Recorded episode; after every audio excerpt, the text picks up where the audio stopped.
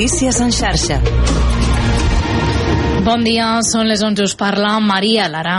Nova jornada de protestes del sector de la salut. Els tècnics superiors es van unir ahir, recordem, a la vaga indefinida que van iniciar ja fa un mes infermeres de Catalunya per exigir millores laborals. Ahir ja hi va haver unes primeres manifestacions. Avui, quina és la situació? David Benito, bon dia.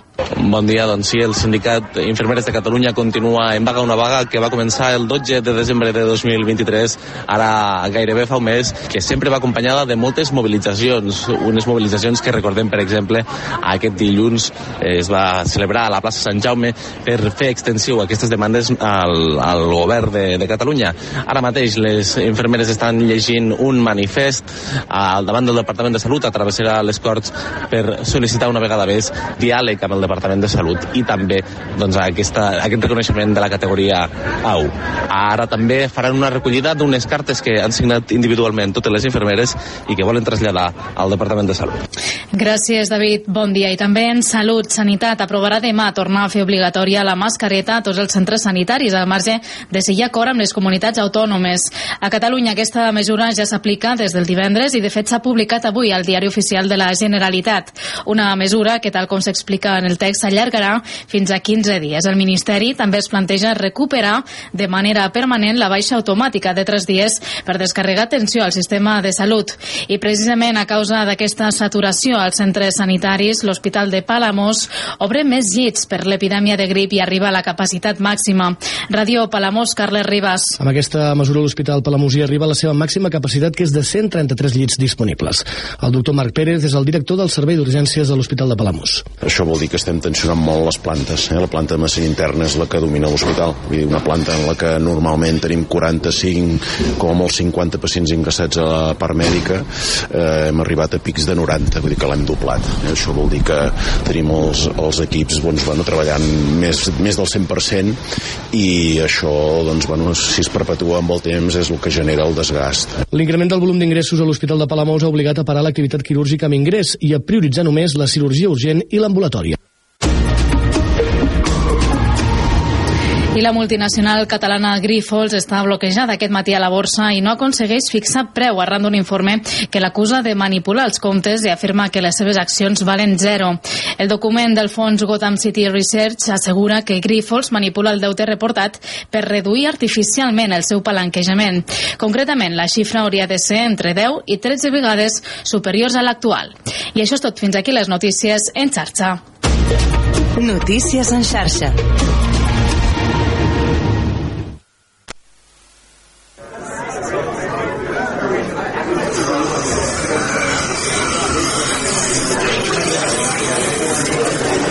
Engeguem la cafetera de Ràdio La Selva. De dilluns a divendres, d'11 a 1 del migdia, amb Toni Mateos.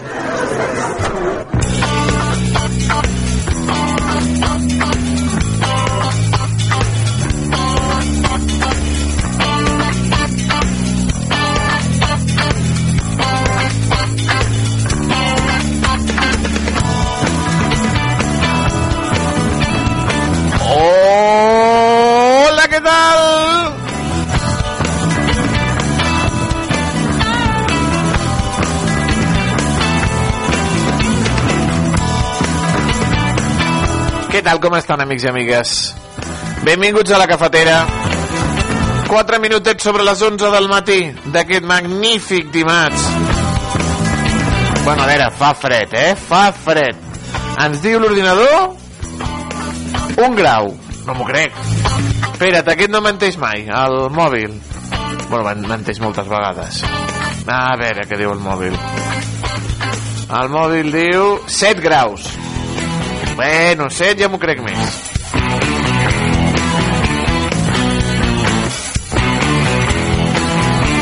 Benvinguts i benvingudes a La Cafetera, el programa magazín de Ràdio La Selva que els acompanya cada dia. Ja ho saben, des del 105.8 de la FM, des de les 3 www.radiolaselva.cat, des dels dispositius mòbils i, com no, des de les pantalles de Canal Camp.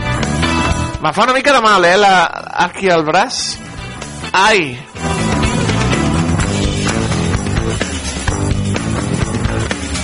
És que ahir me van punxar aquí, en l'esquerra me van punxar la del Covid.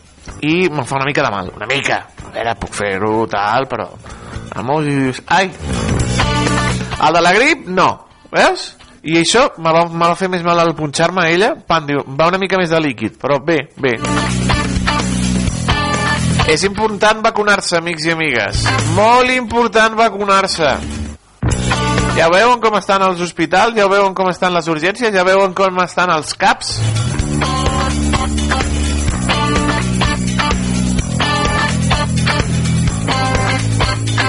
Jo enguany he anat tard, molt tard, però bueno. L'important és complir. Naltros puntuals, sempre molt puntuals. De 11 a 1 acompanyant-los en el programa 1396, el d'avui, dimarts 9 de gener. On farem el repàs a la premsa, el titular maldit, el temps i l'agenda per començar.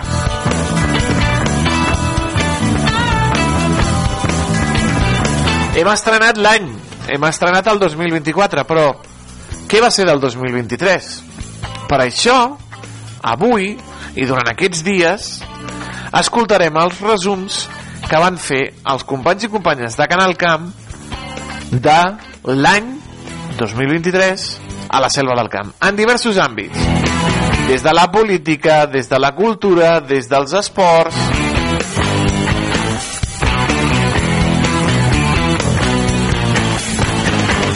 ho podran escoltar aquí a la cafetera durant aquests dies aquesta setmana i potser part de la següent.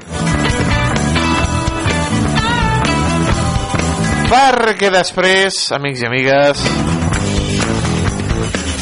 trucarem al Jaume Camí el nostre expert en còmics per parlar al novè art, ja ho saben del meravellós món dels còmics que eh, en, en, en, bueno, en 2023 fantàstic sembla que tindrem un 2024 meravellós doncs de les novetats de les eh, notícies dels detallets dels còmics per regalar de tot parlarem amb el Jaume avui per telèfon que el tenim a casa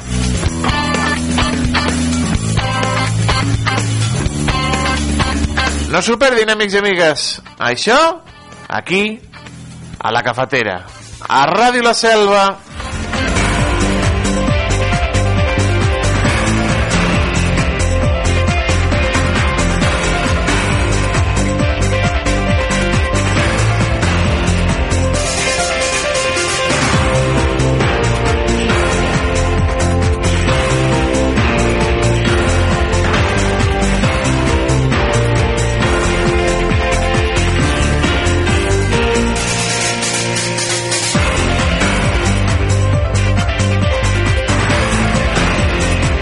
La setmana passada, és la sintonia de la informació de l'actualitat, ja ho saben. La setmana passada vam entrevistar a l'Arnau Colom. Vam parlar del Matito, que torna a la selva, va tornar a la selva. Qui no s'ho va perdre van ser els nens i nenes salvatans i els companys i companyes de Canal Camp que hi van ser allà doncs, per veure la cavalia en Matito. El Matito torna a la selva per les festes de Nadal. La companyia cambrilenca Matito ha fet pujar a l'escenari del castell el titella que li dóna nom, recuperant l'espectacle original que el va veure néixer. Durant gairebé una hora, el públic assistent, majoritàriament familiar, ha pogut gaudir de les aventures d'aquest titella que té un amic molt especial, el gall Antonio, que l'ha acompanyat en les seves aventures nadalenques pues és un personatge molt divertit, molt còmic, que té un objectiu a la vida que és viure sense fer res. El que passa que sempre se li complica la història i acaba passant per mil aventures. Aquest espectacle, diguéssim, que és el clàssic. Tenim molt, diversos espectacles del Matito, però aquest entenc que va ser... és com la revisió del primer Matito que va existir. I m'agrada tant fer-lo, és un solo de titelles que el faig jo sol, i llavors sempre està en, en contínua evolució i vaig afegint i traient esquetxos i sempre està evolucionant. 시南. Arnau Colom és l'artífex darrere dels titelles de la companyia, que dissenya i confecciona amb les seves pròpies mans, així com els decorats i el guió de les obres. Un acurat treball d'artesania que, sumat a les entranyables personalitats dels protagonistes, s'ha guanyat l'estima dels més petits de casa. I és que, de fet, el Matito no és la primera vegada que visita el municipi i molts dels nens i nenes que el van a veure ja el coneixen. La veritat és que estic una miqueta nerviós perquè coneixen ja molt el Matito, o molts d'ells el coneixen, i, i clar, això et dona, has d'anar portant cada cop un, nous matisos que sorprenguin i, i que continuï l'interès pel Matito, i això bueno, és un repte que em posa nerviós, però a la vegada també m'agrada. L'acte organitzat des de l'àrea de cultura ha omplert el castell del Paborda de gom a gom en una cita que s'ha convertit en tot un clàssic per a la canalla salvatana. Al Matito li agrada fotre uns cops de garrot, que el veig aquí. És tremendo. És tremendo el Matito. És tremendo. I s'ho van passar teta als nens i nenes de la selva.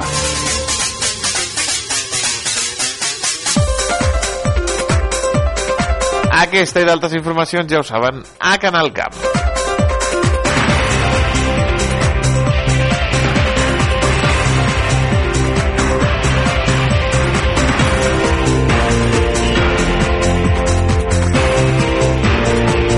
Diuen des del Reus Digital? Doncs que Reus i Tarragona recuperen el liderat en construcció amb un augment important de la inversió. A l'any 2023 es van construir 1.198 nous habitatges a les nostres comarques.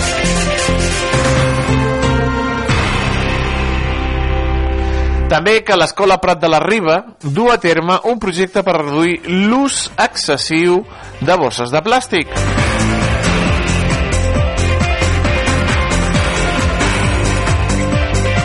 Es va realitzar el trimestre passat i va tenir els mercats dels marxants de Reus com a punt de referència.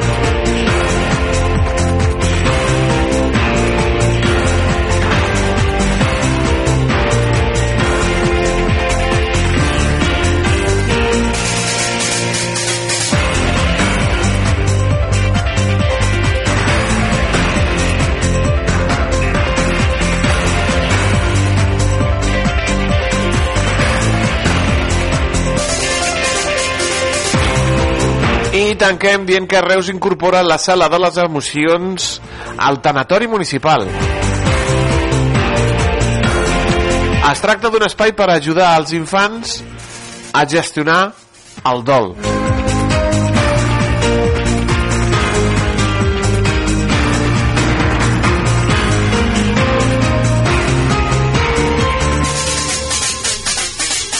Jo com he estat últimament pel tanatori, lamentablement pel tanatori, doncs aquella sala la, la, la, estava tancada, però veies allò que hi havia llibres de El meu avi s'ha anat al cel, o l'àvia s'ha transformat en una estrella. Aquesta sala de les emocions, el tanatori municipal, doncs perquè els més petits eh, comencin a entendre el que és el, el dol.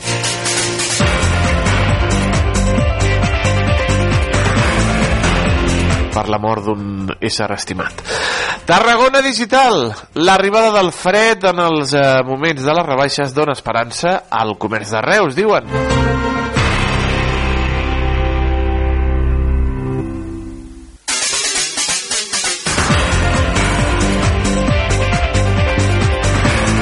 El comerç de Tarragona optimista i preparat per afrontar la campanya de Nadal.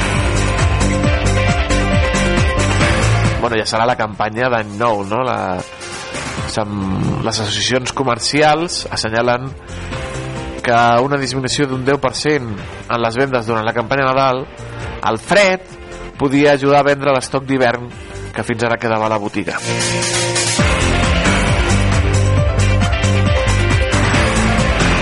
Detenen al Vendrell l'autor de l'assassinat d'una dona a Itàlia.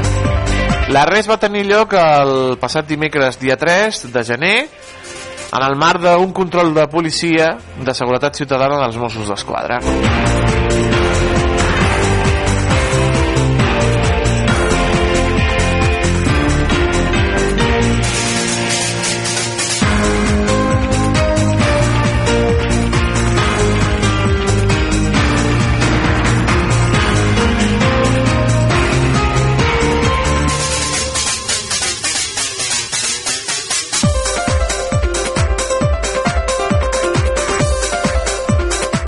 Technol Health busca 100 persones per contractar de manera urgent per fabricar mascaretes i material sanitari. Es donarà prioritat a persones que hagin format part de la família Tecnol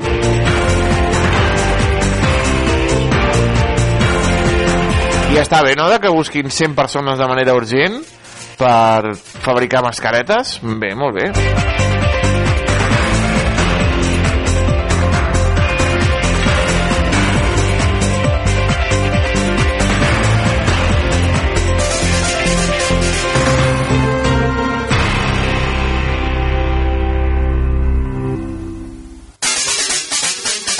Si han fabricat mascaretes, rrhh arroba tecnol.es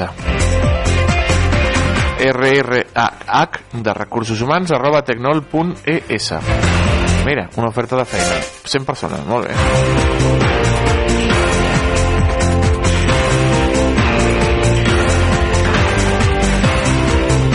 Al diari Més ens diuen que el petit comerç de Tarragona viu amb resignació unes rebaixes que a Reus generen més expectatives.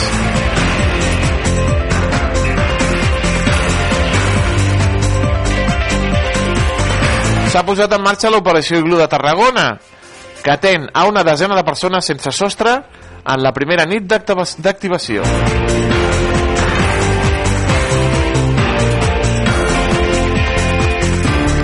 S'ofereixen fins a 13 llits, eh, 3 nits consecutives davant d'aquest escenari de baixada de temperatures.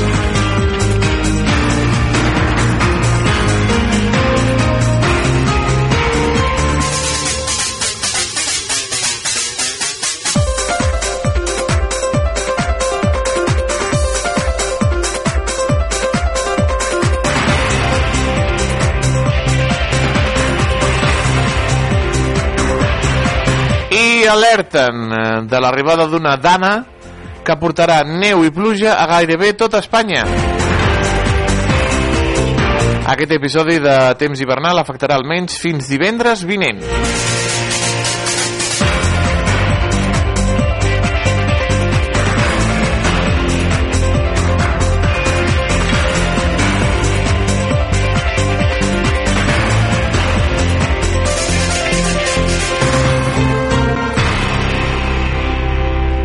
Això era el diari més. Anem a veure què ens diuen des del diari, però de Tarragona. Atenen a 10 persones sense llar en l'operació Iglu a Tarragona. L'Ajuntament va activar la fase 2 per les baixes temperatures. Han trobat a 19 persones dormint al carrer i 10 doncs, van decidir anar amb aquest eh, refugi.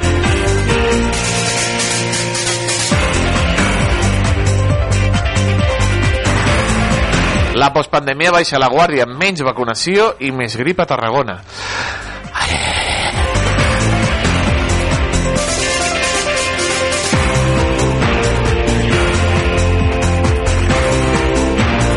Reus redactarà un document que definirà al detall la futura zona de baixes emissions. Ai, les vespes. Ai, les, els cotxes antics. No podran passar pel centre? No? O sí, els vehicles històrics? En fi, ja veurem. Clar, després volen que la gent participi, que... En fi, una cosa complicada això de la zona de baixes emissions, però necessària.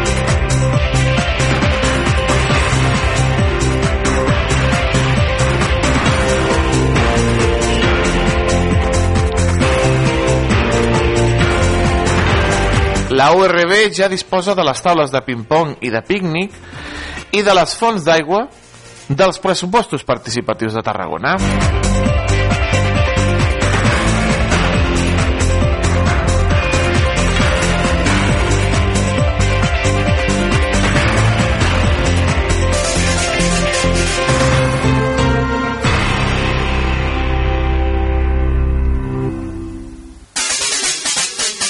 A Terres de l'Ebre es viu l'any més càlid des del 1880. L'any 2022, que ja havia assolit aquesta fita, ha estat superat pel 2023. Aliança entre productors de musclo del Delta i de Roses.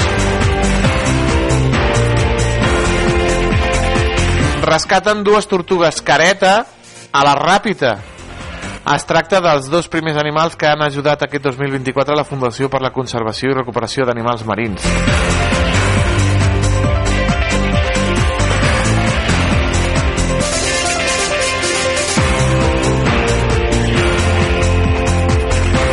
L'estrella i la Matilda, aquestes dues tortugues, van ser capturades accidentalment per embarcacions pesqueres rapitenques.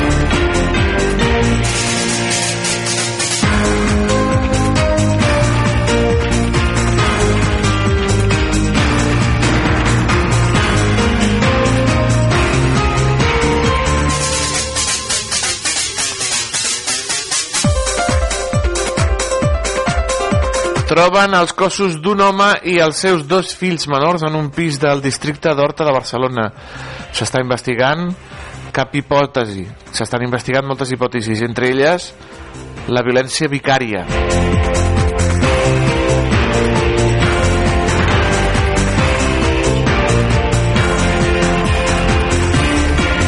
En plana esportiva, Unionistes Barça i Atlético de Madrid Real Madrid els vuitens de la Copa del Rei. Uh -huh!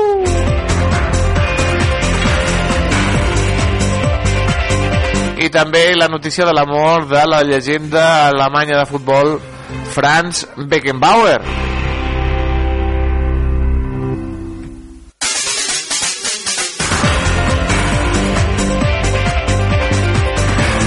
En cultura, la mort del director de cinema Ventura Pons als 78 anys.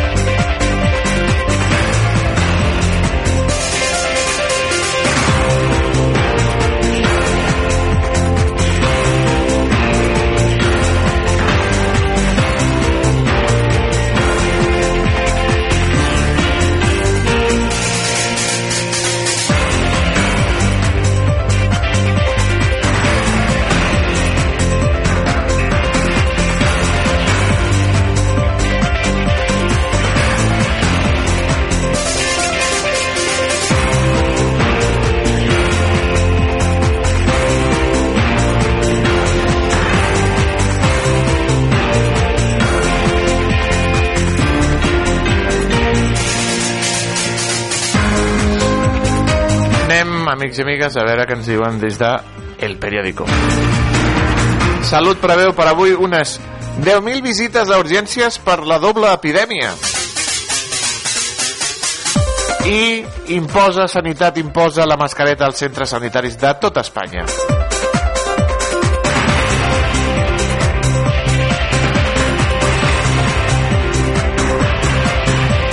El PP afirma per primer cop que derogarà la llei d'amnistia si governa.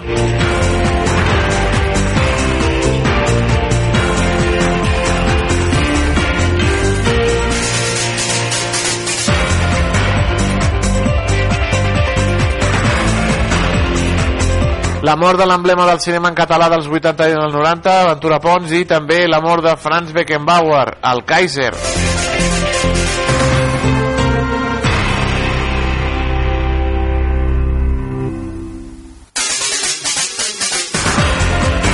El parc d'atraccions del Tibidabo renovarà el servei de bus llançadora.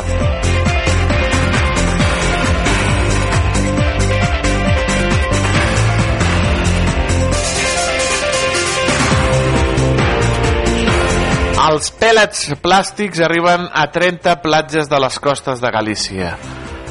Milers de boletes de plàstic a les platges gallegues. És una desgràcia,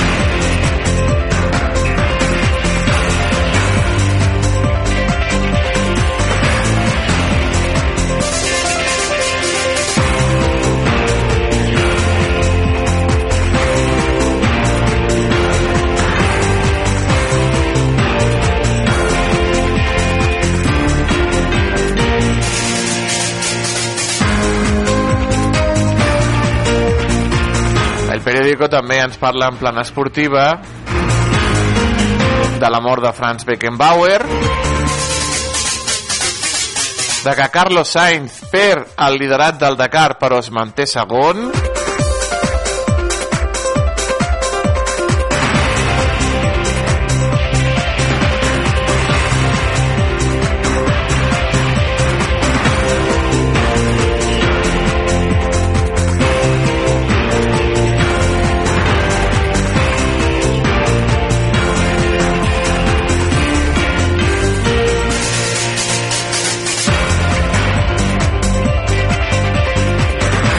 parlant del Dakar.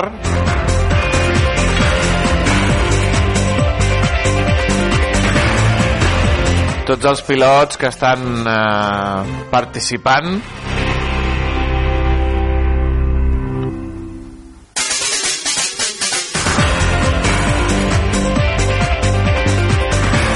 Doncs eh, aquest eh, pilot del Dakar eh, que ha patit un, un accident. Bueno, és un pilot d'aquí de, de, del Camp de Tarragona el Carles Falcón. Eh, està en coma induït després d'un accident molt greu. Una abraçada molt gran per tota la seva família que es recuperi ben aviat que, que li baixi a la inflamació que té ara mateix per poder operar-lo. Tot anirà bé, tot anirà bé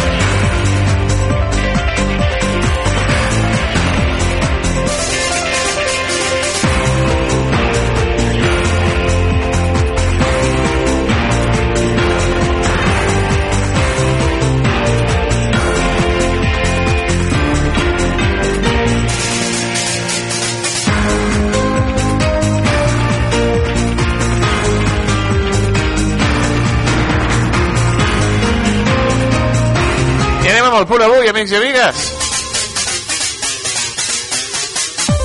L'editorial del punt avui ens parla de la infertilitat masculina, un altre tabú.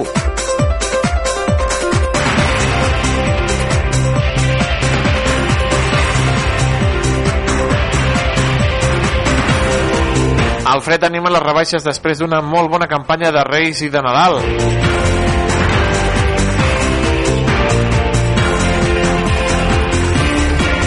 Troben morts un pare i els seus dos fills a un pis de Barcelona.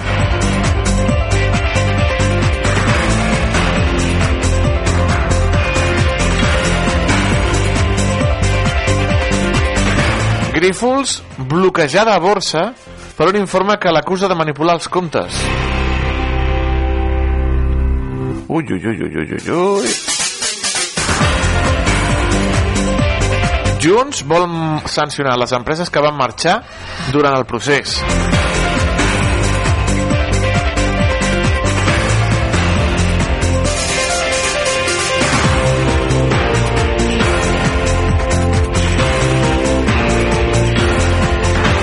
Sanitat aprovarà la mascareta obligatòria. Bueno, l'ha aprovat durant 15 dies.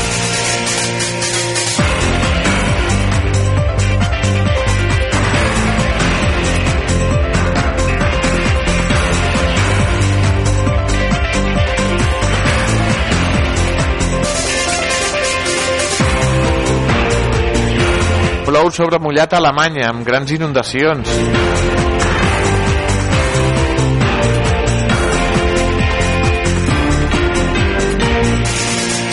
Rússia manté la pressió amb 125 míssils llançats contra Ucraïna. Dimiteix la primera ministra eh, francesa Elisabeth Borne.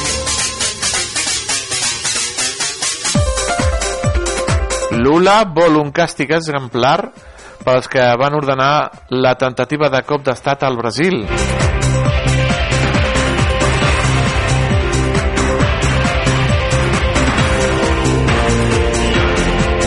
La mort del Ventura Pons, la memòria visual de la Barcelona literària i canalla, diuen,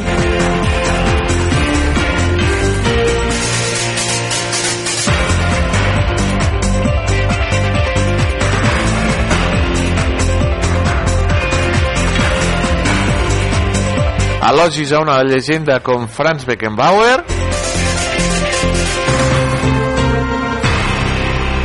Unionistes al rival del Barça a vuitens. La Copa d'Hockey Patins només parla català.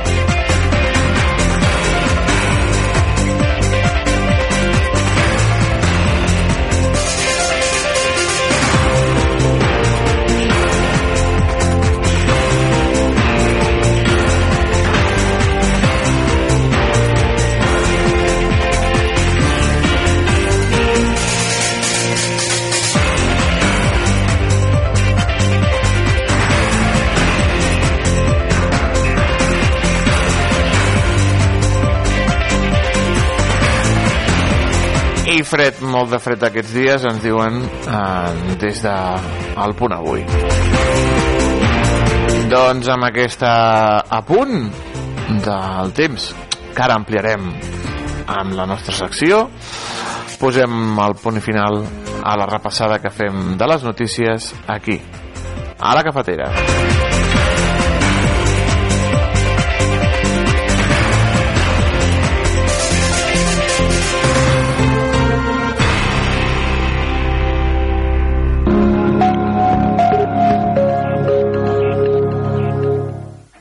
Què tal? Aquest matí de dilluns es llevava amb un ambient força assolellat en el conjunt del territori i només s'observaven alguns núvols baixos a punts del vessant nord del Pirineu. En canvi, la resta, doncs, ja ho veuen, des de Sant Julià de Vilatorta ens feien arribar aquesta fotografia amb un cel completament ras.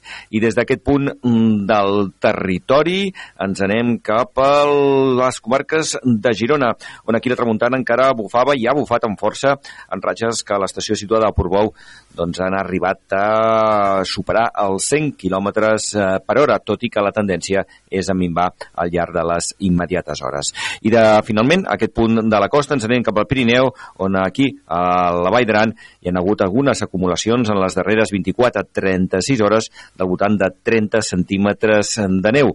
I, per tant, el Pirineu ha quedat força nevat, sobretot en aquest sector més occidental. En l'evolució de les imatges del satèl·lit Meteosat podem observar com Catalunya pràcticament lliure de núvols, només alguns cap a punts del Pirineu, i davant d'aquesta situació el que esperem per aquesta tarda és que es mantingui l'ambient assolellat arreu en temperatures que seran força baixes. Recordem que avui cap a l'interior de les comarques de Girona s'han assolit els 6 graus negatius a primera hora i fins i tot els 13 negatius a alta muntanya. Per tant, l'ambient serà fred eh, no només avui, sinó durant també la jornada de demà dimarts. Demà, demà concretament s'espera precisament doncs, el cel pràcticament ras, sobretot al terç nord del territori. Si bé cap a punts del litoral poden aparèixer alguns intervals de núvols baixos que no descartem que puguin arribar a deixar quatre gotes mal comptades, però en general recordem que malgrat la presència d'aquests núvols l'ambient continuarà sent força fred en el conjunt del territori. I a partir de demà a la tarda arriben més núvols, més núvols que ja podrien comportar cap al final del dia algunes febles precipitacions cap al terç sud del país. I atenció perquè estem pendents de l'arribada d'una perturbació que entre dimecres i dijous podria comportar una situació de nevades. Sembla que la situació que estava prevista ahir diumenge doncs s'ha capgirat una miqueta i no sembla que les precipitacions siguin tan abundants, però malgrat això la cota de neu podria estar situada al voltant dels 700-600 metres tan sols. Una situació complexa que encara doncs, de cara a les properes eh, previsions acabarem de definir concretament l'abast d'aquestes precipitacions i també el gruix de les eh, possibles nevades. Les temperatures en general continuaran a la banda baixa. De moment això és tot des del Servei Meteorològic de Catalunya.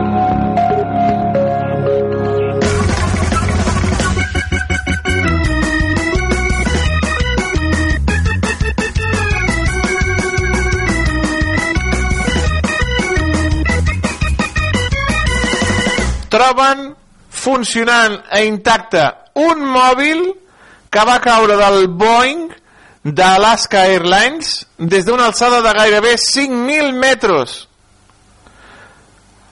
Han trobat un mòbil al voral d'una carretera amb el telèfon amb la pantalla intacta i funcionant. Va caure del Boeing 737 MAX 9 d'Alaska Airlines que el divendres passat va patir un accident i va sortir la porta volant i diversos objectes. I han trobat aquest mòbil a la carretera. Titular mal dit o titular ben dit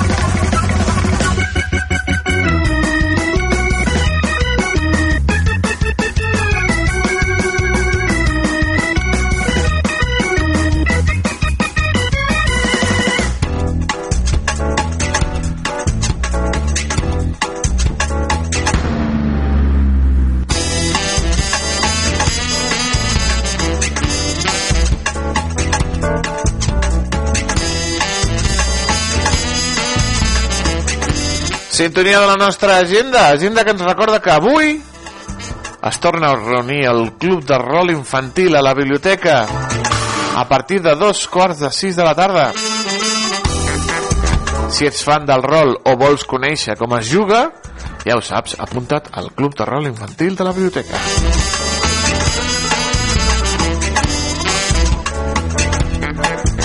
Demà, més. L'hora del conte amb Maixa i l'Os a la Biblioteca Infantil a dos quarts de sis. I demà a les 7 es farà la nova sessió del curs de creació literària.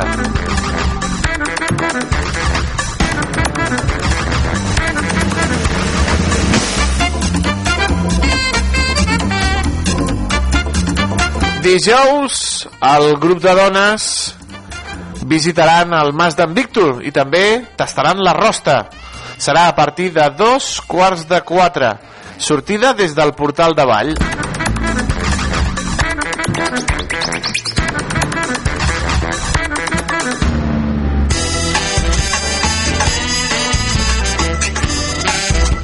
I el Club de Lectura d'Adults es reunirà el divendres a dos quarts de vuit aquí a la biblioteca doncs, per parlar de l'amor d'Ivan Illich de Lev Tolstoi.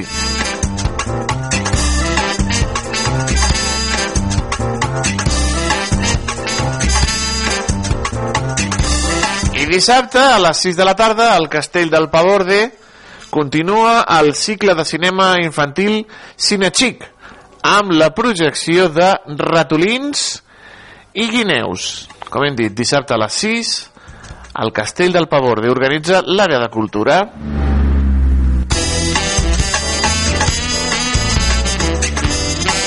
Tanquem l'agenda. Ja ho saben, amics i amigues, amb els telèfons d'interès. Telèfon de l'Ajuntament 977 84 40 07. Telèfon del CAP 977 84 57 58. Telèfon de Ràdio La Selva. Ja ho saben, 977 76 64 72 i el de la Guàrdia Municipal 656 60 72 27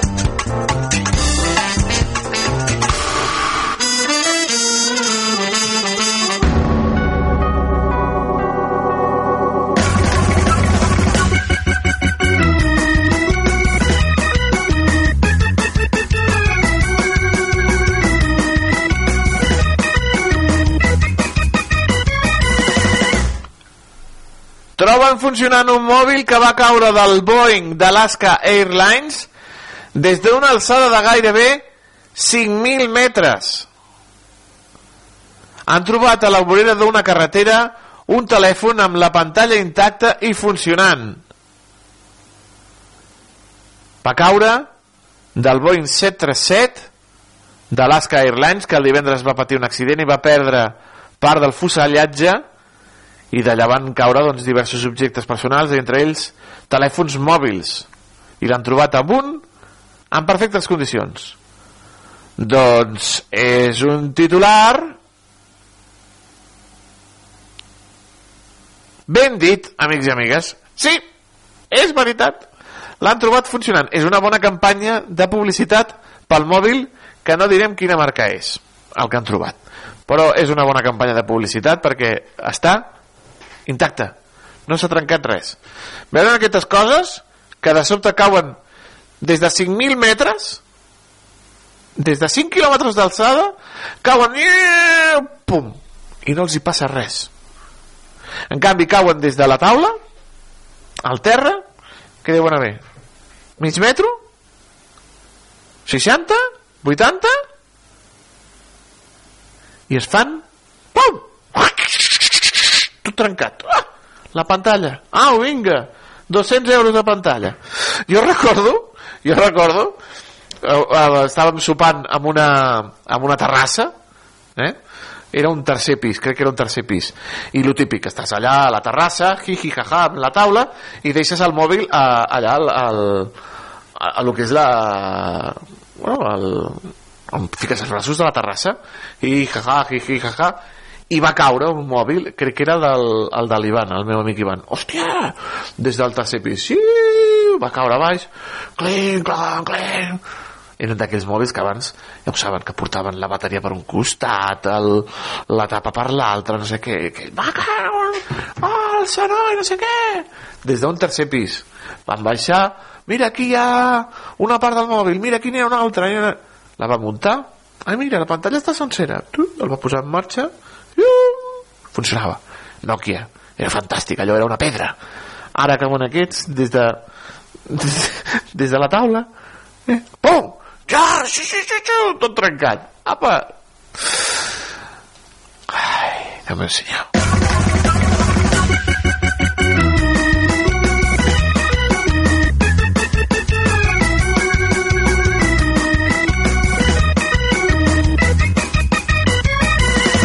A mi un anterior, fa dos o tres mòbils, se'm va, se'm va caure de la cadira, allò que el deixes a la cadira, que és més baix que la taula, va caure de la cadira, va caure així de costat al terra, bueno, picant aquí al, aquí a la cantonada del, del mòbil,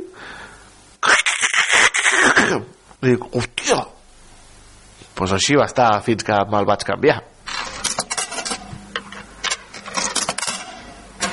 A Ràdio La Selva, La Cafetera, amb Toni Mateos.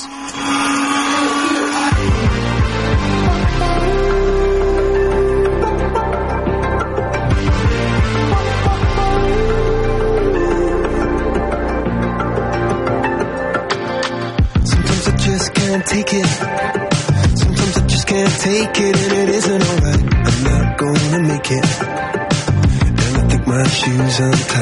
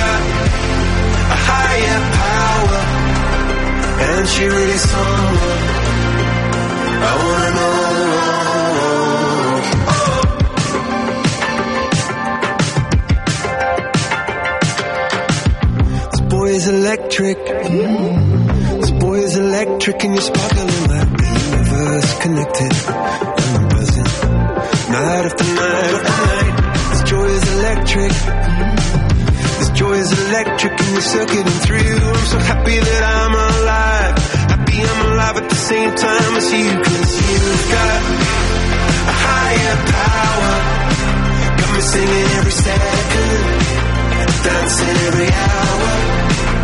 Oh yeah, you've got a higher power, and you really someone I wanna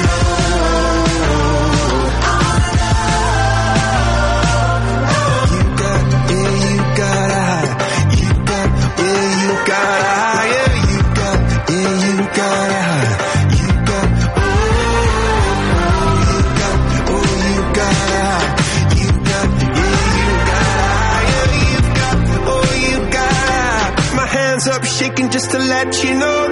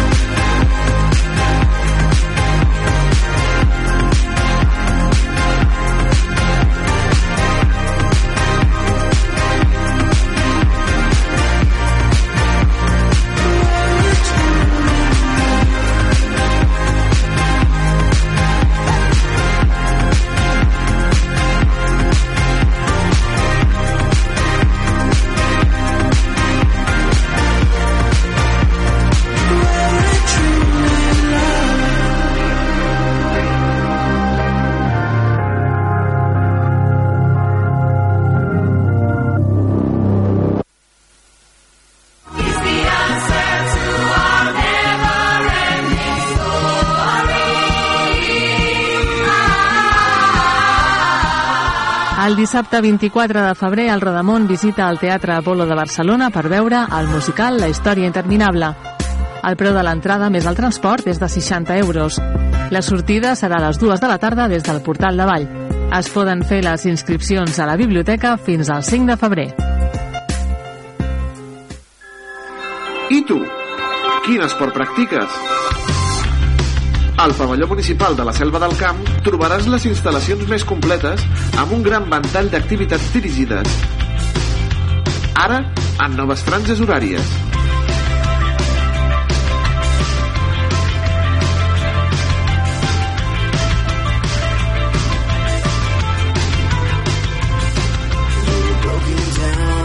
Apunta't a partir de 26 euros. A la Selva del Camp, practica l'esport.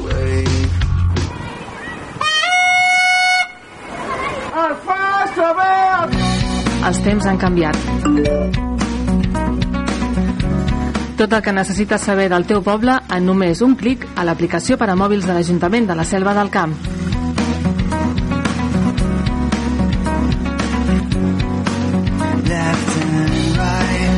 Descarrega-la o actualitza-la al Google Play o a l'App Store. Restaurant Moes. Aquí trobaràs esmorzars de forquilla entre pans freds i calents, brasa i menús per 9 euros amb 90. Pots trucar al telèfon 977 844 864 977 844 864 per reservar taula o encomanar-ho per emportar. El nostre horari és de dilluns a dissabte de 6 del matí a 4 de la tarda. Vine a les nostres instal·lacions a la gasolinera Cepsa de la Selva del Camp i podràs posar carburant, rentar el teu vehicle i menjar al restaurant. T'esperem a Moes.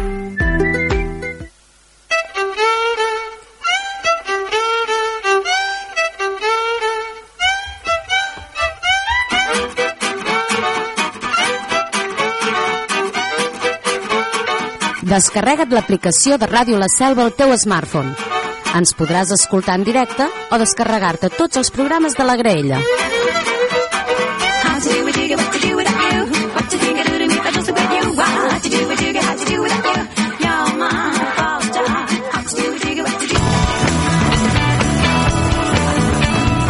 A Canal Camp, amics i amigues, eh, els nostres companys de Canal Camp han fet un especial de com ha estat el 2023. Han fet diversos especials de com ha estat el 2023 per la població de la selva.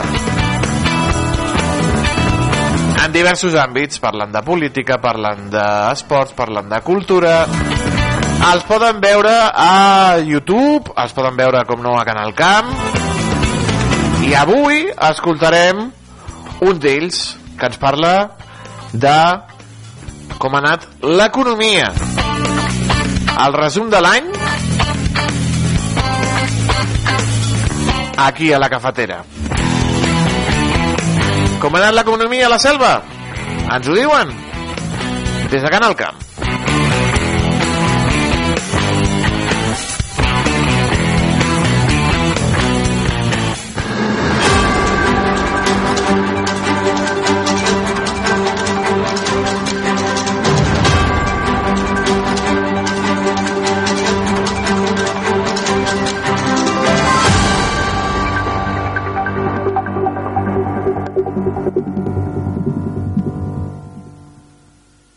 Els conreus de l'oli i l'avellana, juntament amb els polígons industrials de la selva, són les grans marques identitàries de l'economia local.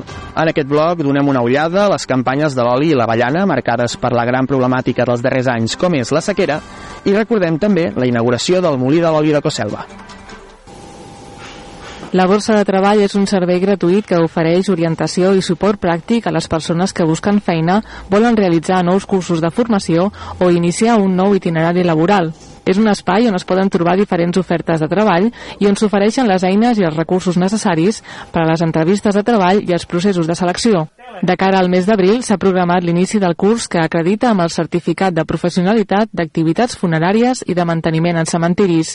Actualment la Borsa de Treball de la Selva està duent a terme dues formacions ocupacionals, una de la família de logística i una altra de l'administrativa, subvencionades pel Servei Públic d'Ocupació de Catalunya. Per tercer any consecutiu s'ha tornat a oferir el certificat de professionalitat d'activitats auxiliars de magatzem. Paral·lelament s'està duent a terme el certificat de professionalitat d'operacions auxiliars d'enregistrament i tractament de dades i documents. Des de la Borsa de Treball també es poden aconseguir els carnets d'operador de pont grua, de plataforma elevadora i de carretoner, per mitjà d'una subvenció de pla de barris adreçades a persones en situació d'atur. Els interessats es poden adreçar a l'orientador laboral a través del seu correu electrònic o als telèfons que es veuen en pantalla. L'Associació de Comerciants i Empresaris de la Selva, l'AES i l'Ajuntament distribuiran 50.000 noves bosses ecològiques entre els establiments salvatans amb un lema que aposta per les compres de proximitat. Amb la signatura del conveni de col·laboració entre les dues entitats aquest mateix divendres, es desplega la segona fase de la campanya de dinamització comercial que arrencava a finals de 2021 amb el repartiment de 60.000 bosses de paper i que va gaudir d'una bona rebuda tant per part dels botiguers com pels propis clients. La campanya de promoció comercial i de l'activitat empresarial també vol fidelitzar i conscienciar els veïns i veïnes de la selva sobre la importància de reduir la seva petjada ecològica i abraçar noves formes més sostenibles a l'hora de comprar al poble.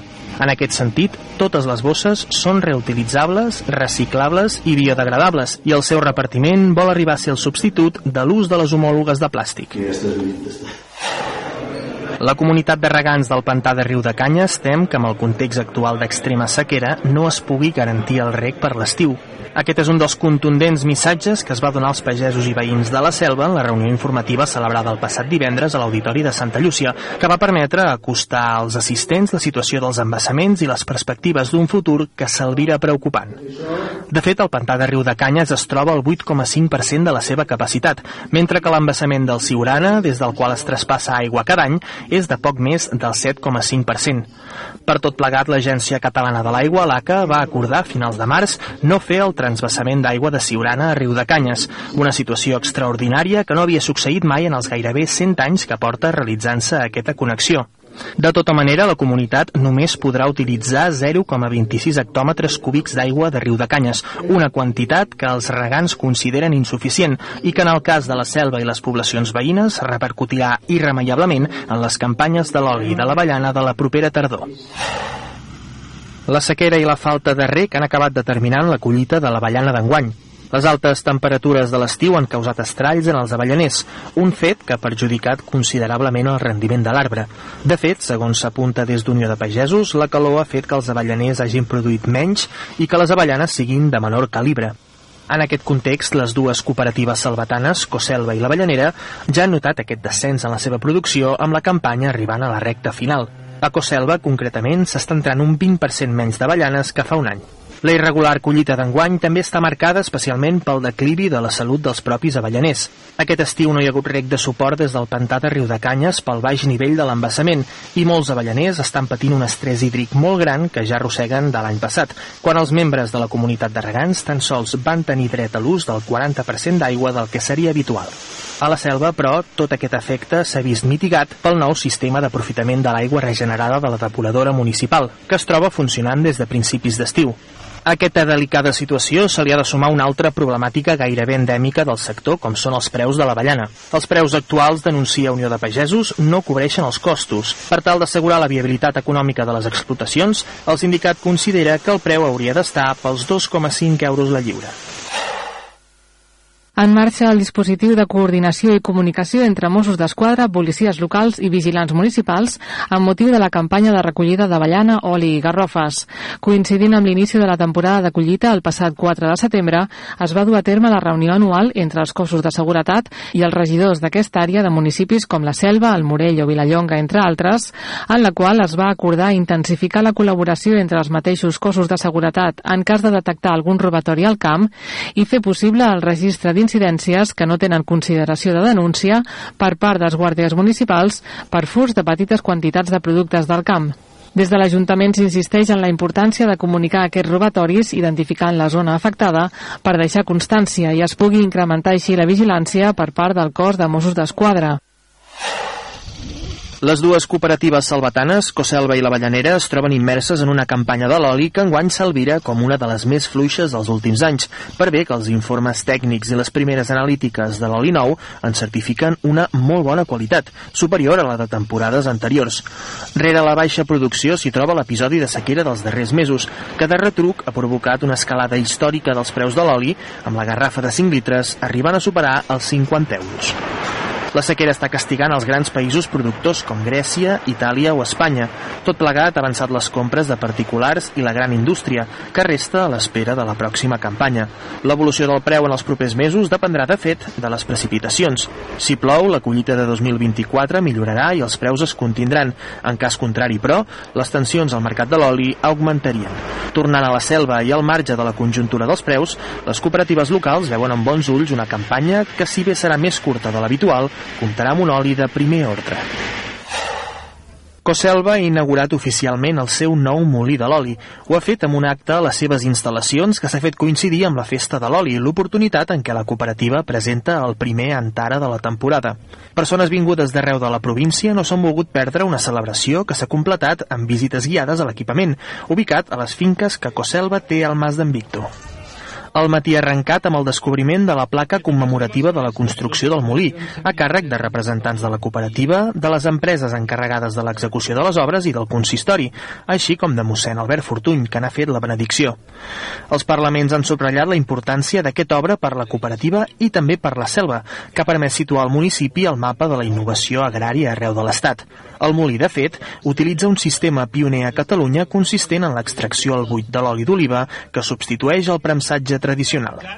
La inauguració s'ha complementat amb visites guiades a l'interior del nou molí, que han permès conèixer les entranyes d'aquest ambiciós projecte que ha permès traslladar la producció industrial de Coselva fora del nucli urbà salvatà, alhora que ha batllat especialment per la sostenibilitat. El nou molí compta amb tres punts de descàrrega de les olives, obertures a l'exterior que permeten observar tot el seu funcionament en tot moment, així com sales d'emmagatzematge, extracció i filtratge i una zona reservada a l'envasat i l'etiquetatge del producte. Tot plegat en un espai de prop de 4.000 metres quadrats amb un disseny que busca integrar la planta a l'entorn. De fet, gran part de l'estructura s'ha soterrat per tal de minimitzar l'impacte paisatgístic. El cost aproximat de l'actuació ha estat de 5 milions d'euros que han estat finançats des de la pròpia cooperativa, però també del Pla de Competitivitat de Cooperatives de la Generalitat i dels Fons Europeus de Desenvolupament Regional. El molí és una necessitat reivindicada durant anys, que arriba en un moment d'expansió per part de Coselva. Recentment, les cooperatives de l'Aleixar, Vilaplana i Castellvell del Camp s'han sumat al projecte Salvatà.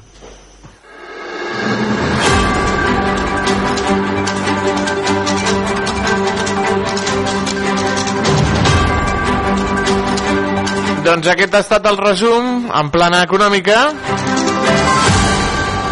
de l'any del passat 2023 que han fet els companys i companyes de Canal Camp. Tenen diversos resums, ja ho saben, en diverses... Eh, aquí al, al, la, el que és la, la pàgina de, de, de Canal Camp.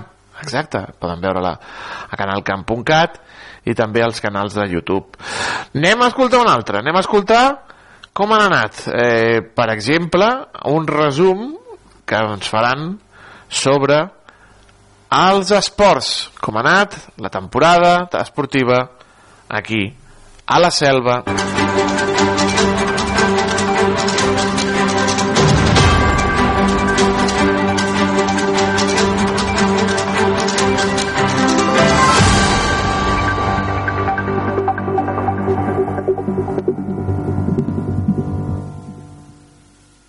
L'esport és un dels principals motors socials de la selva. Ben bé ho hem pogut comprovar durant tot aquest any amb la Selva en Joc, el nostre programa esportiu. Més enllà, però, de l'activitat setmanal dels clubs, aquest 2023 el municipi s'ha convertit en el centre neuràlgic de cites com el torneig d'amistat de taekwondo, els cross escolar dels dos centres de primària, el Mundialito, el torneig obert d'escacs Memorial Calvet o la 24a caminada pel massís de les muntanyes de Prats. Els termes de la Selva i l'Albiol es convertien dissabte passat en el camp de proves de l'estudi de final de grau del salvatà i corredor del Club Excursionista Ritjul, Aleix Soler. Soler, que es troba estudiant el darrer curs a l'Institut Nacional d'Educació Física de Catalunya a Lleida, l'INEF, ha volgut demostrar si l'ús dels bastons en les proves dels quilòmetres verticals va lligat a un augment dels valors fisiològics en joves corredors semiprofessionals. Per tal de fer-ho possible, el Salvatà va comptar amb una vintena de nois i noies de les categories cadet, juvenil i júnior del Centre de Tecnificació de Curses de Muntanya de la Federació d'Entitats Excursionistes de Catalunya, la FEC. La prova, una ruta explosiva i amb un gran desnivell que va discórrer des de l'arrencada del camí del Garramell, pràcticament en línia recta fins al castell de l'Albiol, va comptar amb dos grups de seguiment escollits de manera completament a l'atzar. Mentre que un va fer el recorregut amb l'ajuda de bastons, l'altre el va fer sense. El millor futbol base del món es dona cita aquests dies al Camp de Tarragona.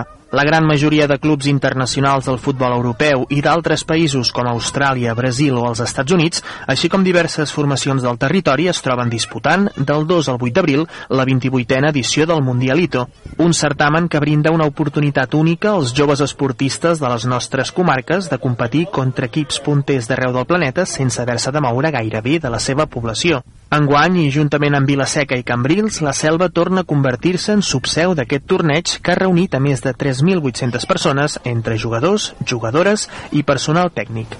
Concretament, al camp d'esports municipal s'hi han estat disputant els partits de les categories més avançades, els cadets i els infantils, tant masculins com femenins. Els alumnes de 6è de l'Escola Belferreter, els de 5è i 6è del Col·legi Sant Rafel i els de quart d'ESO de l'Institut Joan Puig i Ferreter s'han llançat a l'aventura amb una participativa cursa d'orientació que ha recorregut l'entorn urbà de la vila. Amb l'única ajuda d'un mapa, els joves, dividits en grups i de manera esgraonada, han hagut de recórrer carrers i places a la recerca d'una quinzena de fites que han hagut de segellar en ordre per tal de completar la prova. Els primers en prendre la marxa han estat els nens i nenes dels dos centres de primària. Abans de fer-ho, però, els tècnics del Consell Esportiu del Baix Camp, promotors de la prova, els han donat les instruccions pertinents. Per tal de facilitar la troballa d'algunes fites, amb la targeta de pas se'ls ha entregat un document amb diverses pistes.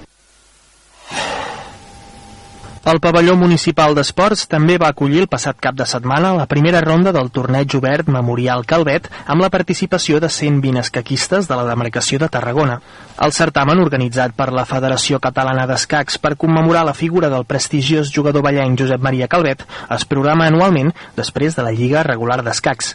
La dinàmica del torneig continua estructurant-se amb 8 rondes celebrades enguany entre els dies 29 d'abril i 17 de juny, que es disputen a diferents poblacions del territori amb partides llargues de dues hores aproximadament cadascuna. El Club d'Escacs La Selva participa enguany amb 5 jugadors que es desplaçaran els pròxims dissabtes a Riudoms, Salou, Vandellós, El Vendrell, Vilarrodona, Tuasaigües i Montblanc. Prop d'un centenar de corredors d'arreu de la comarca es donaven cita diumenge passat al vuitè cros escolar del Col·legi Sant Rafel. La matinal, que en alguns moments va estar passada per aigua, va plegar sobretot alumnes del Centre Educatiu Salvatà, però també altres atletes del Club de Natació Reus Ploms, l'Associació Esportiva de l'Hospitalet de l'Infant o l'Escola d'Atletisme de Montroig. El Cros del Sant Rafel es va gestar el passat 2015 com una iniciativa de Pilar López, la professora d'Educació Física del centre, en un moment en el qual també es fundava un equip d'atletisme.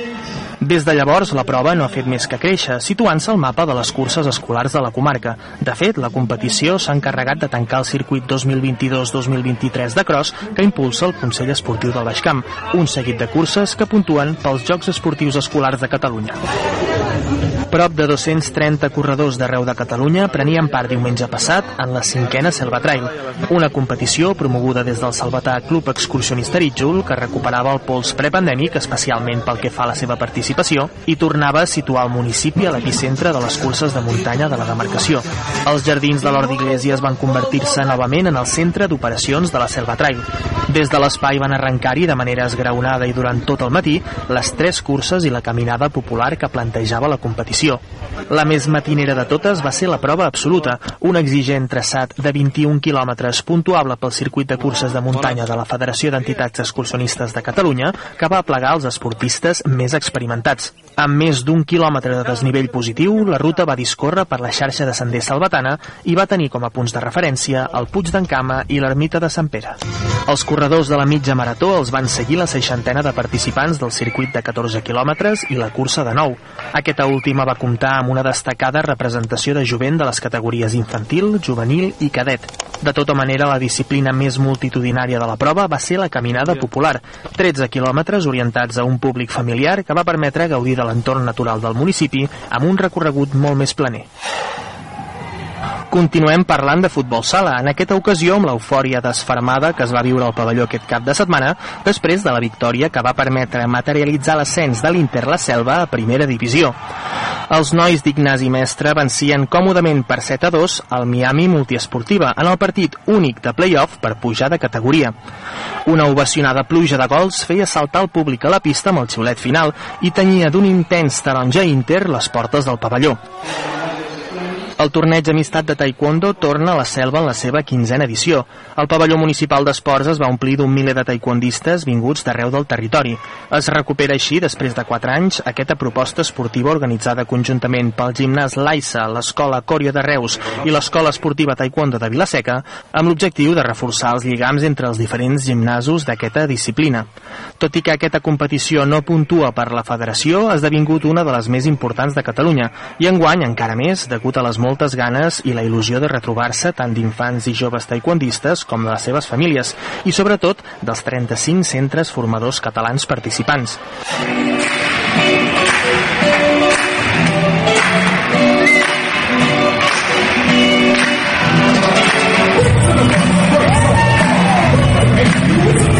El grup Flow de l'Escola Bel Ferreter s'ha proclamat campió de Catalunya en la celebració de les primeres finals nacionals de danses urbanes dels Jocs Esportius Escolars de Catalunya organitzades pel Consell Esportiu del Baix Camp. Un esdeveniment que va agrupar prop de 120 esportistes de diferents centres educatius i entitats de primària i secundària, vinguts principalment de Barcelona ciutat i del Baix Camp. Integrat en la seva totalitat per 8 alumnes del grup dels grans de la formació en dansa Gotes d'Art, va aconseguir la primera posició en la modalitat de primària de centres d'ensenyament. La selva s'ha convertit aquest cap de setmana en la seu de la 24a caminada pel massís de les muntanyes de Prades, un dels esdeveniments senderistes de referència a les nostres comarques. Prop de 300 participants han pres part en aquesta sortida no competitiva que anualment organitza l'Associació d'Amics de les Muntanyes de Prades i que ha convidat a descobrir els turons, senders i corriols que discorren per la selva, un dels pobles on s'inicien els contraforts de les serralades que conformen el massís de les muntanyes de Prades. En aquesta edició s'han pogut escollir dos traçats de 21 i 33 quilòmetres, dissenyats expressament per a l'ocasió. Com no podia ser d'altra manera, tots dos han tingut el Camí del Rec, la joia de la corona de la xarxa salvatana de senders, com a denominador comú. La Rasa va ser de nou el lloc escollit per celebrar el cross escolar emmarcat en la fira i impulsat conjuntament des de l'àrea d'esports i el Consell Esportiu del Baix Camp. Amb aquesta ja són 24 les edicions que es duen a terme al municipi. Una proposta esportiva que enguany ha comptat amb la participació de 240 infants i joves de 3 a 17 anys d'arreu de la comarca. Alumnes dels dos centres de primària salvatans, l'Abel Ferreter i el Sant Rafel, i els de l'Institut Joan Puig i Ferreter van competir contra els seus iguals d'altres clubs esportius de la comarca, com el Reus Ploms, l'Escola La Bitxeta, l'Escola d'Atletisme de Montroig del Camp o l'Associació Esportiva de l'Hospitalet de l'Infant. Com ja és habitual, la màxima participació es dona en les categories més petites, però des del Consell Esportiu del Baix Camp s'està treballant per tal de motivar el jovent de secundària a continuar practicant l'atletisme un cop finalitzen la primària. Amb el pas dels anys, el torneig de pàdel de la Selva s'ha consolidat com una de les competicions de referència d'aquest esport a les nostres comarques. Les xifres parlen per si soles. Les inscripcions ja s'havien completat dies abans de la celebració de la cita. Un total de 60 parelles ocupen aquests dies les pistes del Mas La Trampa, convertides en l'epicentre d'aquest certamen bianual, que en aquesta edició, la novena, s'allarga del divendres 27 d'octubre al dimecres 1 de novembre. El torneig divideix els participants en les categories masculina i femenina i el seu torn en diversos grups en funció del seu nivell. La primera fase, que s'està disputant aquests dies, servirà per escollir les parelles que disputaran unes fases eliminatòries que tindran lloc el dia de Tots Sants. El club de futbol Sala Salvatà ha aconseguit quadrar les agendes dels seus equips i convocar-los a l'acte que aquest diumenge a la tarda servia per presentar el planter huracà de cara a la temporada 2023-2024. Amb prop de 150 jugadors i jugadores a les seves files, l'entitat continua sumant nous adeptes a un ja consolidat projecte esportiu que encara el seu setè any de vida amb una salut de ferro. Després de fer-se les seves respectives fotografies grupals, una rere l'altra, les 13 formacions huracanes van desfilar per la pista del pavelló d'esports entre els aplaudiments de familiars, amics i socis del club que omplien les grades del recinte. Un ovacionat sènior mixt integrat per persones amb diversitat funcional. L'equip, sorgit a partir de la col·laboració del club amb la Provisca, competirà a la Lliga de la Federació Catalana d'Esports per a persones amb discapacitat intel·lectual. Y a continuación actuará el club rítmica Elna La Selva del Camp de la Federación Catalana. Finalment, tot l'esforç ha tingut la seva recompensa, participar al certamen més important de rítmica de l'Estat. El conjunt juvenil del Club Elna encara està assimilant tot el que va viure aquest darrer cap de setmana. La vuitena posició al Campionat de Catalunya Manresa, el passat 22 d'octubre, els donava l'accés directe al Campionat d'Espanya, que tenia lloc aquest cap de setmana a Pamplona. Més de 3.300 gimnastes de 300 clubs d'arreu de l'estat espanyol van donar-se cita al Navarra Arena en un certamen que va congregar el bo i millor d'aquesta disciplina. En poc més de dos minuts, les noies van haver de posar en pràctica davant del jurat tot el treballat en una temporada que no ha estat gens fàcil. Entre bancs, caigudes, baixes, aquests mesos les han passat de tots colors, però tot i això les gimnastes han seguit al peu del canó defensant l'esport que més els agrada i el resultat final sembla que va convèncer els jutges que van qualificar i amb nota la seva coreografia. Les salvatanes del Club Elna quedaven en 34a posició d'un total de 147 conjunts participants en la competició. Aquest era el moment en què des de la plaça del Molí del Rovellat la seixantena de participants en la 19a edició de la cronopujada al Puig d'en Cama emprenien la marxa fins al punt més alt del terme Salvatà. La clàssica matinal amb què el Club Excursionista Rítjol dona la benvinguda a les festes nadalenques superava enguany totes les expectatives, triplicant el nombre d'esportistes respecte a l'any passat. Les bones sensacions recollides aquest diumenge no van ser pas fruit de la casualitat. El jove salvatà Andreu Sancho debutava com a director de cursa proposant diversos canvis logístics a la cronopujada sense renunciar en cap moment a la seva essència. Un projecte en què la Rítjol no va dubtar a donar-hi llum verda i que es troba emmarcat en la part pràctica del seu treball de recerca, orientat al disseny i organització d'una prova esportiva. La ruta es va mantenir intacta amb el tradicional traçat curt i explosiu de prop de 4 quilòmetres i 500 metres de desnivell que es va poder fer al gust dels participants.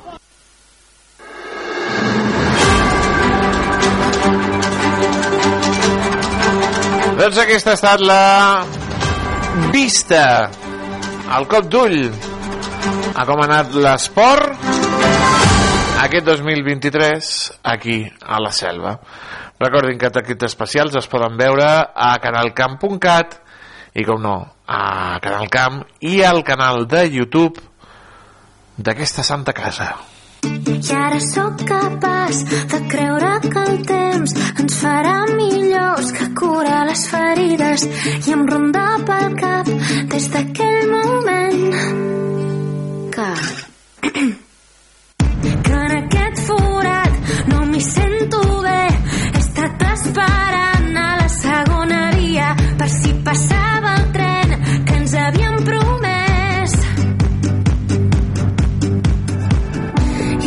ja oblidat tots els teus perquès les teves paraules se les emporta el vent. I és que és massa tard per fer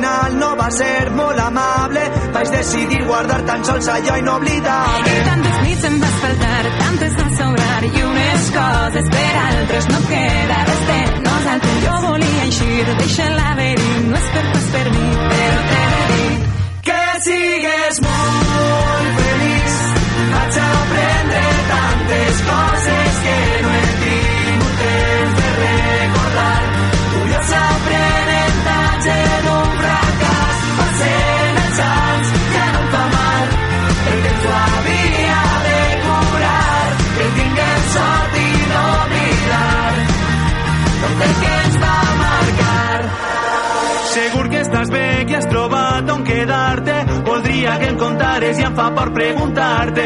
No vull molestar, no voldria ratllar-te Lo nuestro ya pasó, pero parlem de nosaltres. Ara que sona la cançó que ens morava els dos No li cabe sentir que tenia quan la cantava. Jo volia eixir, deixa l'haver-hi No és per tu, és per mi, però t'he Que sigues molt feliç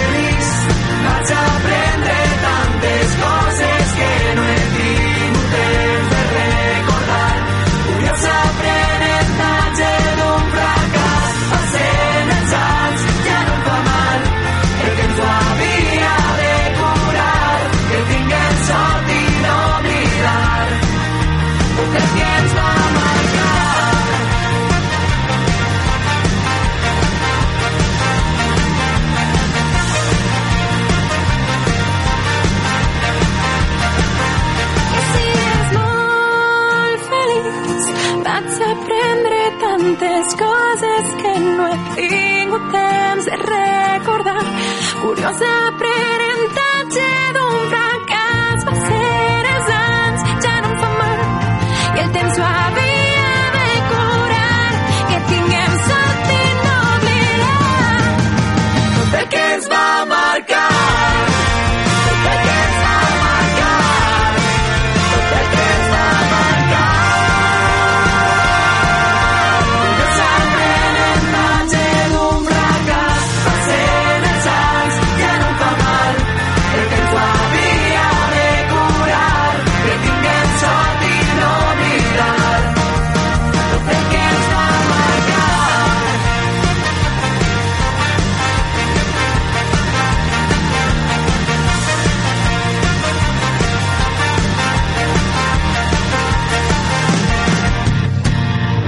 sortit al carrer per preguntar als nostres escoltants què els hi semblava la llanterna màgica i això és el que ens han dit.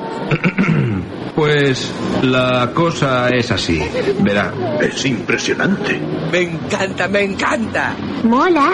Me gusta cómo suena. ¡Qué bonito! Si us agrada el cine i les bandes sonores, vosaltres també podeu formar part dels escoltants de la llanterna màgica. Tots els dimecres, a les 8 del vespre, la llanterna màgica a Ràdio La Selva.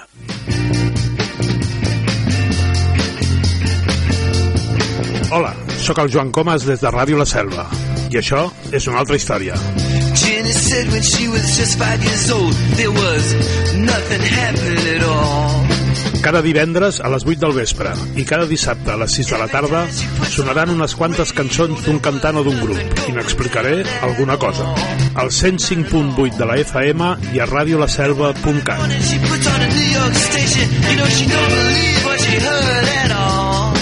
Recorda, això és una altra història. You know her life was saved by rock and roll. Ja sabeu què és el Festa Festa? El Festa Festa és el programa de cultura popular i associacionisme cultural que s'emet per la ràdio i a internet. Tots els divendres, a les 9 del vespre i els dissabtes a les 7 de la tarda, a Ràdio La Selva, de la Selva del Camp. Festa, festa, amb Amadeu Carbó.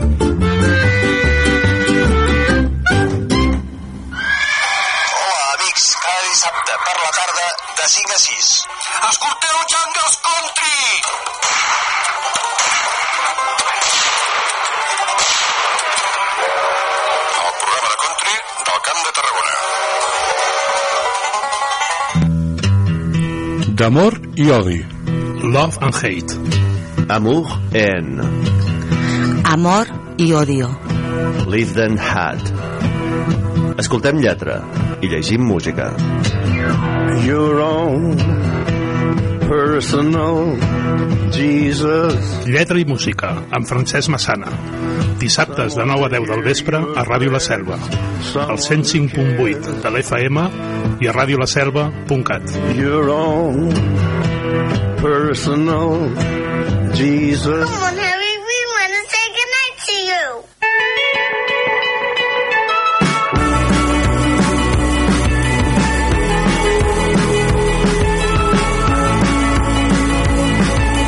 holding me back. Gravity's holding me back. I want you to hold out the palm of your hand. Why don't we leave it at that? Nothing to say, and everything gets in the way. Seems you cannot be replaced, and I'm the one who'll stay.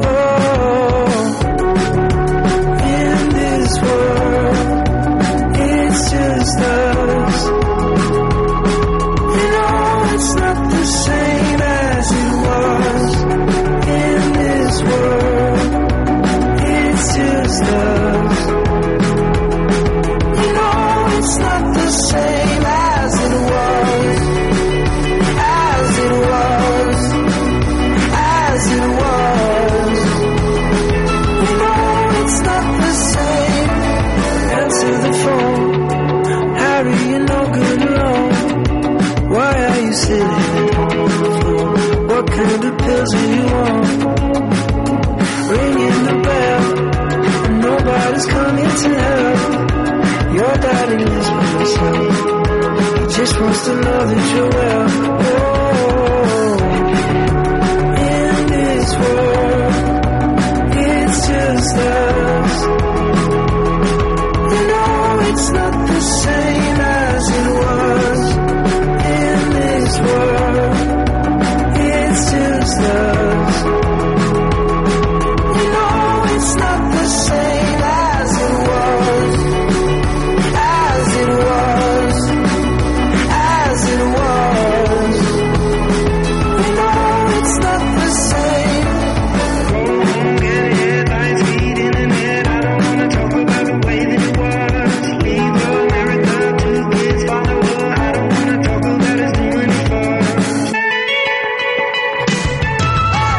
És l'home més estil del món. Tot el que li fiquen li queda bé. porta pantalons impossibles que dius tu, això no m'ho poso jo ni de conya i a ell li queden bé i a més a més ha fet una de les millors cançons de l'any passat Harry Styles Ui, una de les altres millors cançons de l'any passat aquesta també li senta tot bé Miley Cyrus kind of dream that can't be sold. We were right till we weren't. Built a home and watched it burn. Mm, I didn't wanna leave you. I didn't wanna lie. Started to cry, but then remembered I I can buy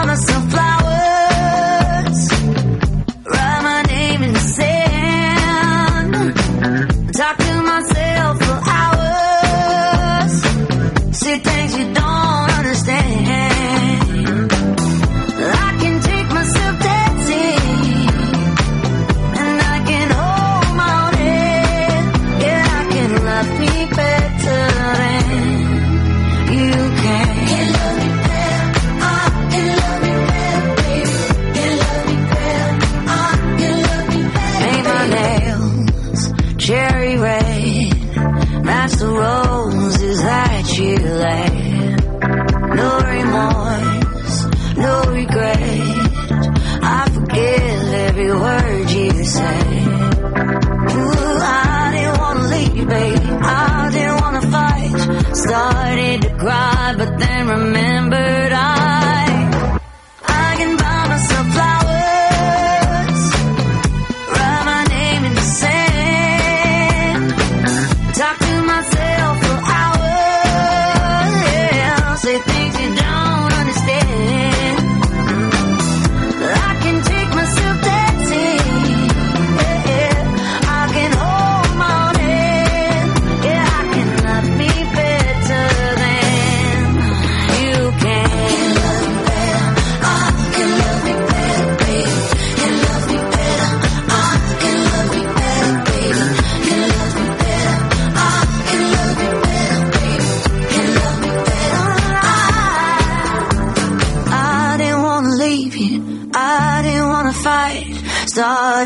cry, but then remembered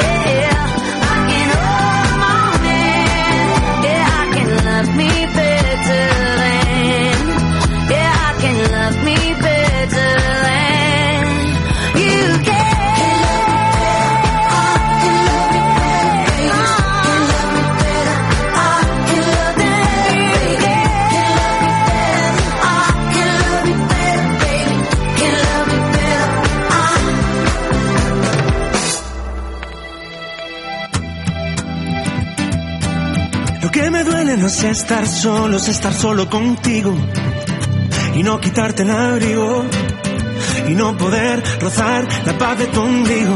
Lo que me quema no es esta hoguera, es no saltarla contigo, es no probar lo prohibido.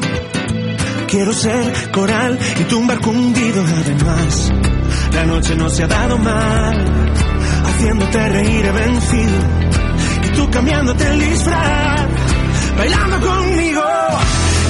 Quiero verte y tú jugar. Y ya se ha terminado el vino. Te ofrezco luz de velas y un sofá. O dime que has venido. Si quieres nos dejamos de alargar. Los dos sabemos que al principio la ropa es más difícil de arrancar. Dime que has venido.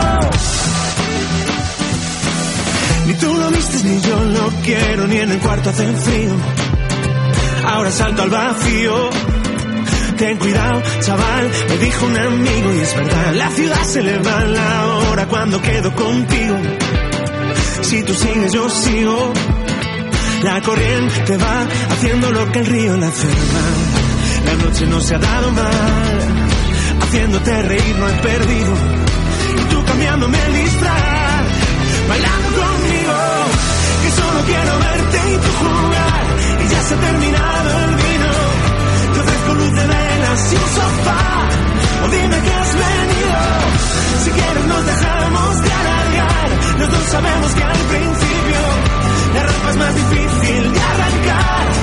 Dime que has venido. Oh,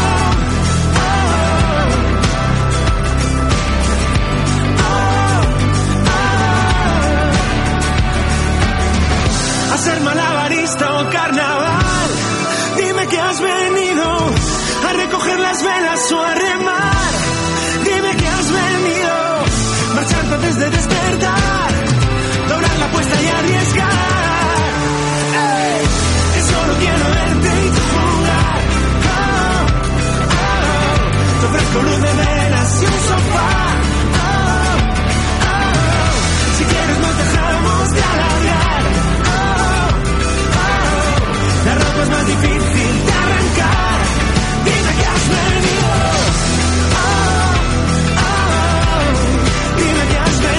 el l'Andrés Suárez, amics i amigues. Estem a punt de trucar al Jaume, al Jaume Camí, però saben què passa?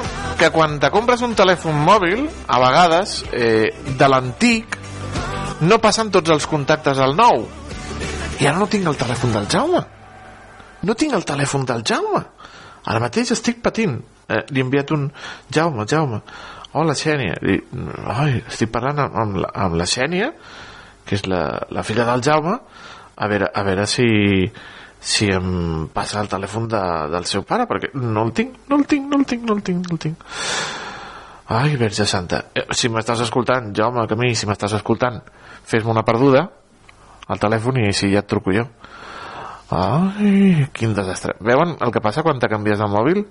Que tot és començar de, des de zero. Tot és començar des de zero. Ai, és un rotllo tot això, de veritat. It's the thought of PM when your heart's just like a drum, beating louder with nowhere to guard it. When it all seems like it's wrong, sing along to Elton John and that feeling we're just getting started. When the nights get colder and the rhythm's got you falling behind. Just dream about that moment when you look yourself right in the eye. eye, eye and you say, I wanna dance.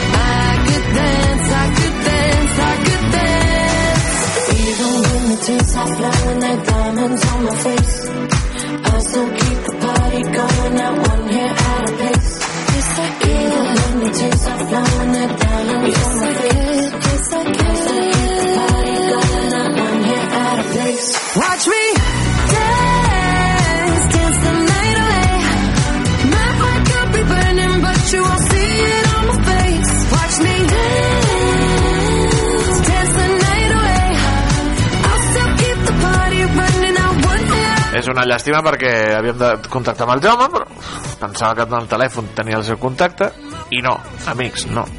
Per això es va tenir també una agenda, una agenda de paper, de les de tota la vida, amb un calaix, quadradeta, amb els telèfons apuntats, també al telèfon, perquè els telèfons i a vegades perden dades i, i, i clar, i és que és tan estrany que jo no tingui ni apuntat l'escaleta al, al telèfon del Jaume. Miren, coses que passen, amics i amigues. No res, parlarem amb el Jaume la setmana vinent. Quin, quina cosa, o, o, o, d'aquí dues setmanes, del, del món del còmic.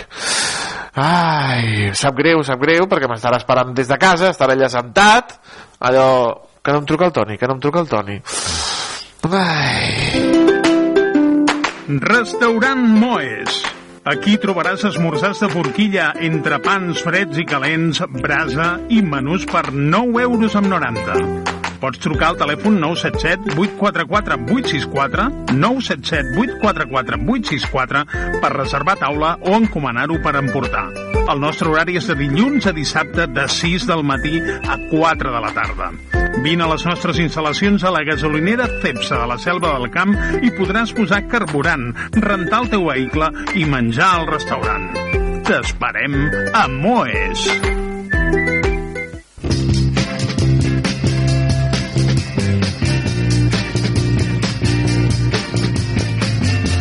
Hola, sóc el Joan Comas i aquesta temporada us parlaré de música a Això és una altra història. Jenny said when she was just five years old, there was nothing happening at all. Cada divendres a les 8 del vespre i els dissabtes a les 6 de la tarda. A Ràdio La Selva.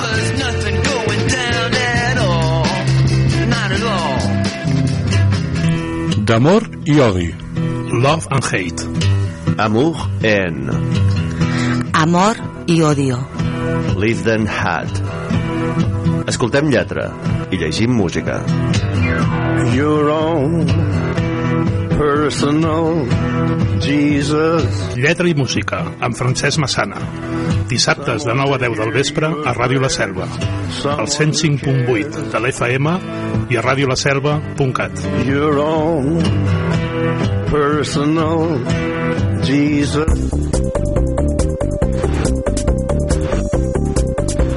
012. La Generalitat al teu costat. Vinc als cursos de català per poder millorar la meva feina. Jo ara puc parlar amb els amics d'aquí en català. Vull donar un servei millor als meus clients, per això faig un curs de català en línia al parla.cat. El Consorci per la Normalització Lingüística i el Parla.cat ofereixen cursos per a adults, ja sigui presencials, semipresencials o per internet. Millorar els coneixements de català és bàsic per les nostres relacions, tant personals com professionals. Tinguis el nivell que tinguis, millora el teu català. 012. La Generalitat al teu costat.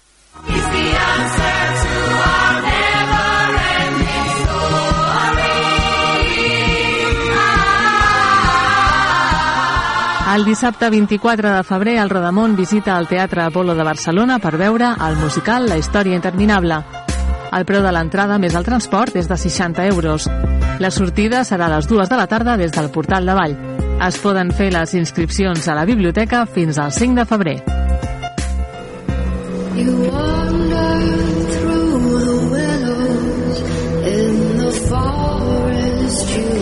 Al 105.8 de la FM podràs obtenir respostes, compartirem informació, investigació, un programa conduït per la Sílvia Santos dissabtes de 7 a 8 a Ràdio La Selva. Escolta V de Victòria.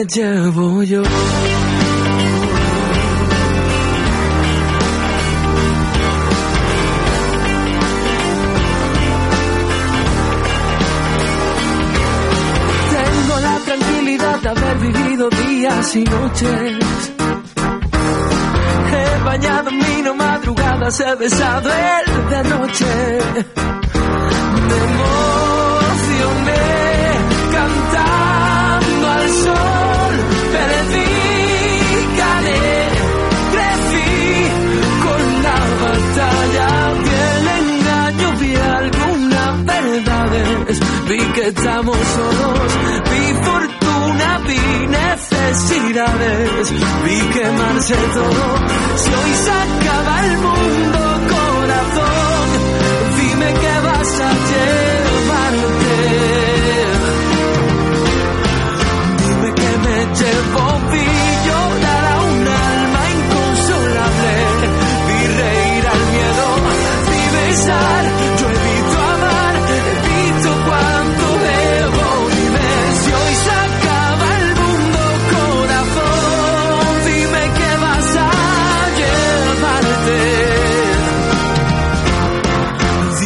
me llevo yo.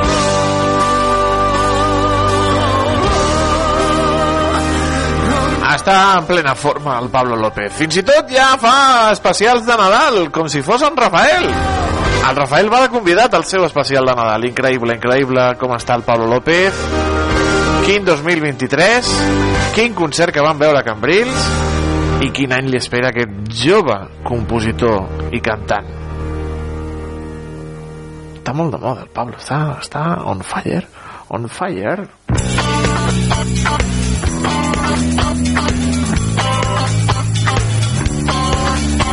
Amics i amigues, hem arribat al final de la nostra cafetera una mica accidentada d'avui. Sí. Pel tema del telèfon, que no, no tinc el telèfon, confies que està aquí el telèfon del Jaume Camí, del nostre Esperant Còmics, i al canviar-me de, de model, pues, no s'han passat tots els contactes. Ai, les tecnologies. Li demano perdó al Jaume, i li demano perdó a vostès, espectadors, perquè avui s'han quedat sense la secció de el Nové Art. Però han gaudit de repassar la premsa del titular maldit, del temps, de l'agenda...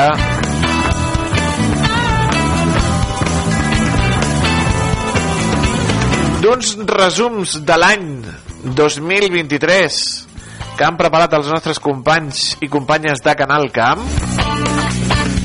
resums informatius de l'any en política, en esports, en cultura, en festes i de molt bona música en aquest matí fred de dimarts. Aquesta tarda torna la ràdio en directe amb el carrer Major, ja ho saben, de 4 a 6 ens ajuntem les 8 millors emissores del Camp de Tarragona, entre elles Ràdio La Selva, per fer el millor programa d'actualitat i d'informació de tot el camp.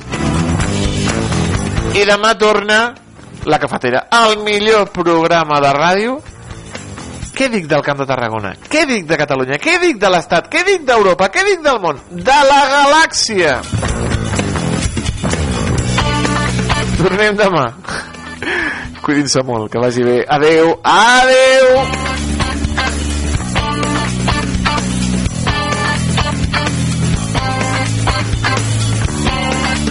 Notícies en xarxa.